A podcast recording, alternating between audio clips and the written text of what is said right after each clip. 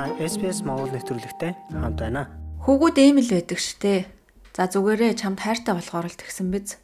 Гэх мэт үл хүнддэгсэн хүчрхийлэгчийг өмгөөлсөн үг хэллэг та сонсож байсан уу? Мэргэжилтнүүдээ үзэж байгаагаар иймэрхүү хандлага өнгөн дээрээ хор хөнөөлгүй мэт боловч үнэн хэрэгтээ төрөмгийллийг хөвгүүдэд байдаг зүйл октыг дарамталж болно гэх мэтээр хүчирхийлэл нь хэвийн зүйл мэт ойлгуулдаг гинэ. Австралид оршин суух удаж булангийн энэ удаагийн дугаараар хүчирхийллийн тойргийг хэрхэн зогсоож эерэг дуурайлал байх тухай ярилцуулна. SBS Монгол нэвтрүүлэг таны гар утас болон цахим хуудасд нийлдэхтэй байна. Хүндэтгэлгүй байдлын бүх хэлбэр хүчирхийлэлд хүргэдэггүй ч эмэгтэйчүүдийн эсрэг хүчирхийлэл үл хүндэтгсэн зан үйлээс эхэлдэг. Бид ийм хандлагыг яг эхлэж байхад нь зогсоож чадвал тэр нь хүчирхийллийн төгсгөл байх болно. Эхэнд нь зогсоо нэртэй гендер суурилсан хүчирхийллийн эсрэг үндэсний аян Австралид даяар өрнөж байгаа. Нийгмийн үйлчилгээ, гэр бүлийн хүчирхийллээс урьдчилан сэргийлэх асуудал эрхэлсэн дээд сайд Justin Elliot хүчирхийллийг эхлэж байхад нь зогсоох боломжтой байдгийг онцолж байна. Эхэнд нь зогсоо гэх мэт иймэрхүү хөтөлбөрүүд хүчирхийллийг таслан зогсооход маш чухал үүрэг гүйцэтгэдэг. Ялангуяа 10-аас 17 насныхныг хүмүүжүүлэхэд туслаж тэднийг илүү сайн ойлгоход чиглэдэг.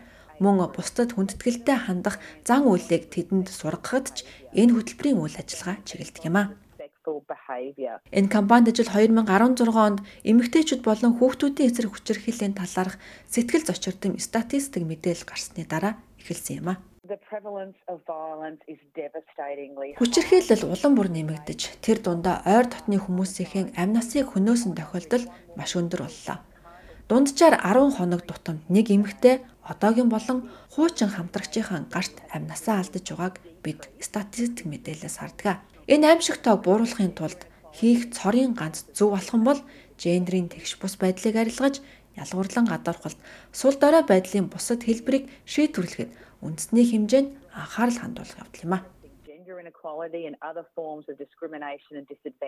Залуучуудын зан төлөвт эргэн тойрондох насанд хүрэгчид насран хамгаалагчид нөлөөлж тэдний зан үйлийг хэлбэржүүлдэг гэдгийг энэ аяны хүрээнд тогтоож хүлээн зөвшөөрлөө. Тиймээс насанд хүрэгчид өөрсдийн хандлагыг тунгаан бодож эерэг үлгэр дуурайлал үзүүлэхийг уриалж байна. Доктор Масита Мак Алфен бол эцэг эхийн асуудал хариуцсан мэрэгчлэлтэн бөгөөд Inspired Children номын зохиогч юм.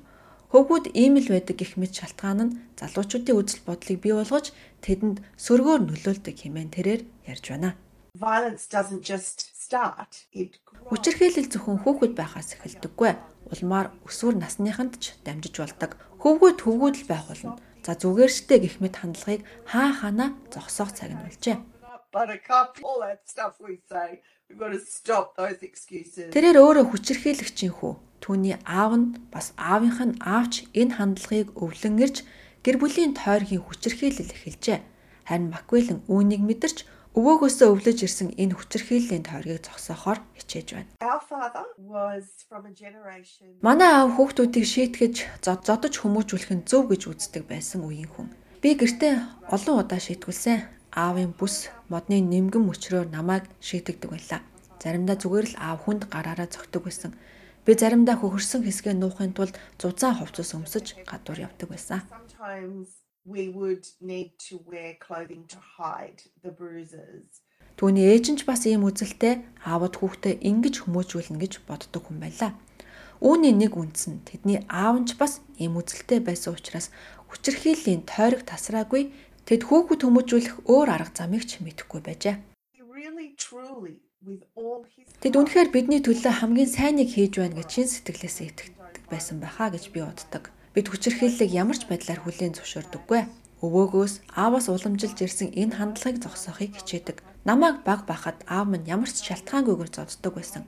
Харин би чамайг шалтгаангүйгээр зохиохгүй гэж би хүүхдүүдтэй хэлдэг. Тиймээс одоо миний хүүхдүүд эцэг их байх хамгийн зөв арга руу орж байгаа гэж би итгэдэг. He'd moved closer to what would be ideal parenting. Доктор Макалбин олон жил судалгаа хийж эцэг эхийн хүмүүжлийн арга барилыг дэмжих олон хүний туршлагыг хуваалцжээ. Гэр бүлийнхээ хүчирхийллийн энэ тойргийг үндсэндээ таслан эвдэж чадсан гэж хэлж болно. Эцэг их байхын гол утга учирыг би баг багаар сурсан. хүүхдийг дэмжих хүмүүжил гэж ямар байдаг вэ? Тэднийг хэрхэн сахилах баттай байлгах тухай. Энэ бол шийтгэх, шагнах, урамшуулах тухай биш юм. Тэдэнд өөрсдийн дотоод луучинг бий болгож хэрэгтэй амьдралын ур чадваруудыг эцэг их зааж өгдөг. Тиймээс миний хувьд өвөө аавынхаа хүчирхийллийн тойргийг эвдэх нь хэрхэн сайн эцэг их байх талаарх судалгаа хийж эхэлсэнтэй холбоотой.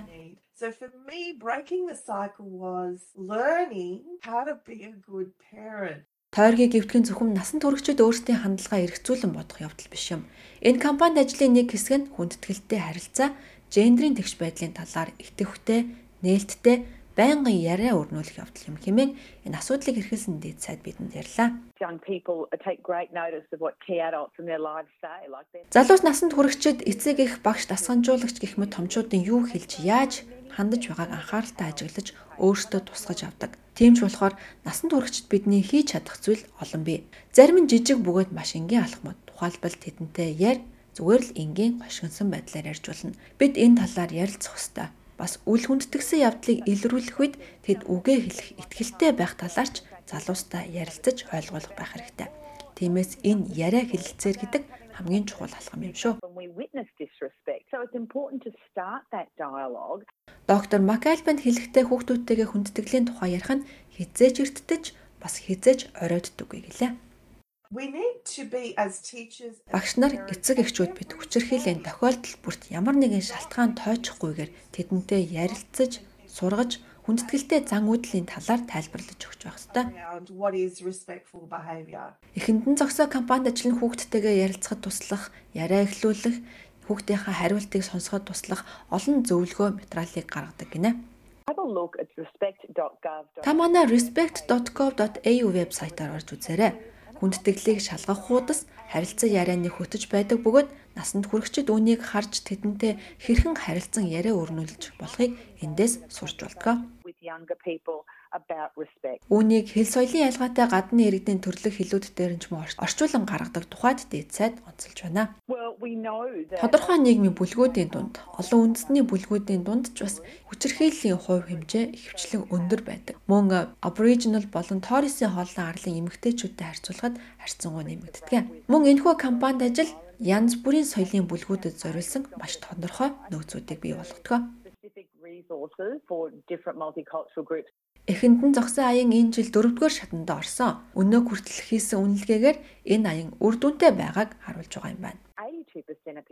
Энэхүү аянд оролцсон хүмүүсийн 82% нь залуучуудад хэрхэн хүндэтгэлтэй хандахыг харуулах үүргээ ойлгож хүлээн зөвшөөрсөн байна. Залуучуудад хатуу үзэл бодол бий болгож зан үйлийг хэвэн болгох хүртэл нь ажиллах нь үнэхээр чухал юм аа.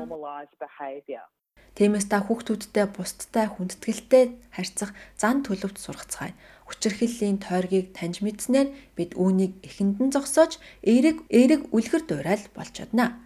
Хэрвээ та эсвэл таны таньдаг хэн нэгэн бэлгийн дарамт ямар нэгэн хүчирхийлэлд өртсөн өртөж байгаа бол та 1800 737 732 дугаар залгаарай эсвэл 1800 respect.org.au хаягаар орж мэдээлэл тусламж авч болно. Харин танд яаралтай тусламж хэрэгтэй бол 000-д хандах ёстой шүү.